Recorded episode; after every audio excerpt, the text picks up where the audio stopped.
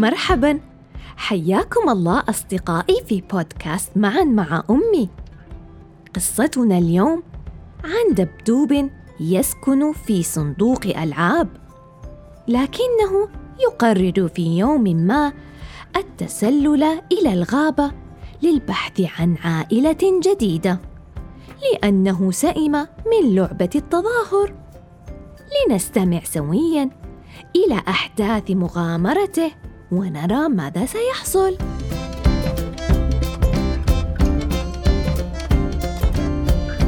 الدبدوب الحبوب. داخل منزل صغير تسكنه غرفة دافئة. صندوق ألعاب خشبي. كانت الألعاب ملكا لفتاة طيبة تهتم بألعابها جيدا. لذلك كانت الألعاب سعيدة ومن بين تلك الألعاب دمية ليست كباقي الدمى. دب مكسوم بقماش ناعم بني اللون محشو بالقطن الأبيض. وعيناه خرزتان سوداوان تلمعان. يصدر صوت موسيقى هادئة كلما عانقته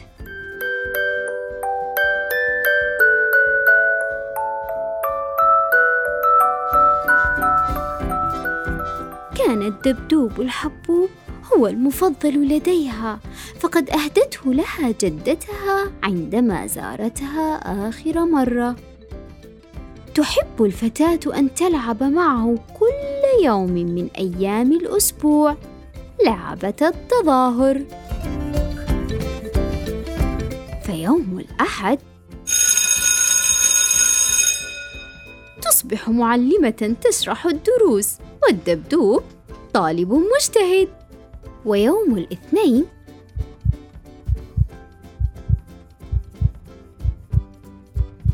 طبيبة أطفال ماهرة والدبدوب مريض يحتاج الدواء. أما يوم الثلاثاء هي ساعي بريد والدبدوب عميل تصله الرسائل داخل أظرف. وفي يوم الأربعاء تصبح طباخة ممتازة والدبدوب زبون يأكل الطعام بشراهة. يوم الخميس.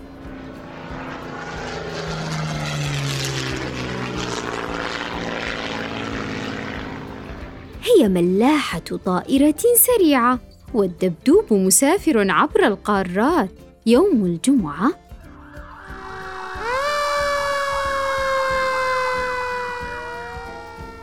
هي إطفائية تخمد الحريق والدبدوب محتاج للمساعدة. وأخيرا يوم السبت.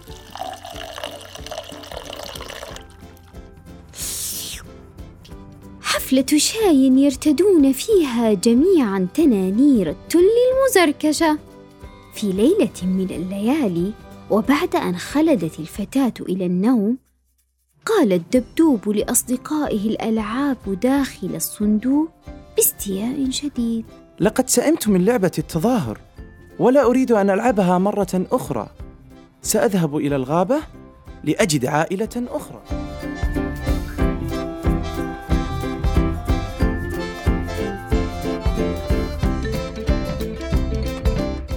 خرج الدبدوب من صندوق الألعاب وتسلل عبر النافذة هاربا إلى قلب الغابة.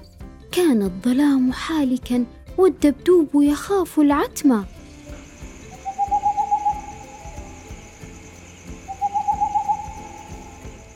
بحث وبحث حتى وجد دبا كبيرا بني اللون مثل لونه ففرح كثيرا وقال له لا بد من أنك دب مثلي تماما ونستطيع أن نكون عائلة واحدة.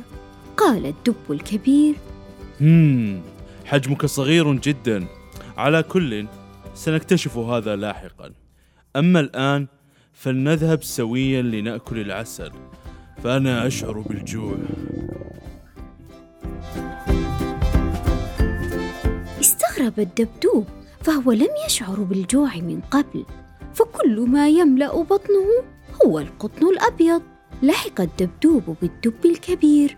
كانت خطوات الدب كبيرة وسريعة. قال الدبدوب المسكين وهو يلهث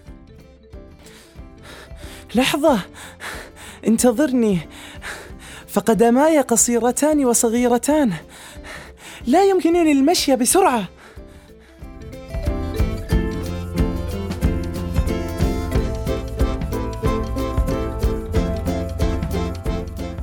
عندما وصل إلى خلية النحل المعلقة على غصن شجرة كبيرة ضرب الدب الكبير الخلية بمخالبه الحادة فسقطت خلية النحل وبدأ الدب الكبير بلعق العسل اللذيذ.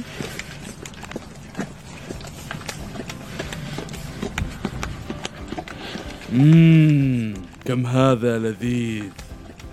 تفاجأ الدبدوب بما رأى فهو لا يمتلك مخالبا. فيداه ناعمتان كنعومة الحرير. نظر إليه الدب الكبير وقال مم، مم،. ماذا تنتظر؟ هيا تعال لتأكل معي. عندما اقترب الدبدوب التصق العسل الدبق بقماش الدبدوب فأصبح متسخا. فجأة سمع صوت خشخشة من وراء الأشجار.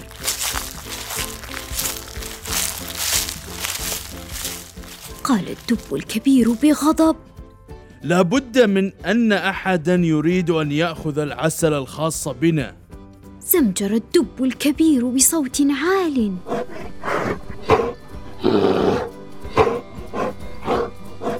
فهرب من كان خلف الأشجار بعيدا. خاف الدبدوب المسكين واحتضن نفسه فأصدرت بطنه صوت الموسيقى حتى هدأ فكر الدبدوب حيران. هم، لا أستطيع أن أزمجر مثل الدب الكبير فكيف سأدافع عن نفسي عند وقوع الخطر؟ يجب أن أعود إلى البيت في الحال فالحياة في الغابة مخيفة والعيش كالدببة صعب. فعاد الدبدوب مسرعا إلى بيته تاركا خلفه الرغبة في الهروب مجددا. وصل إلى البيت أخيرا قبل شروق شمس الصباح واختبأ في صندوق الألعاب.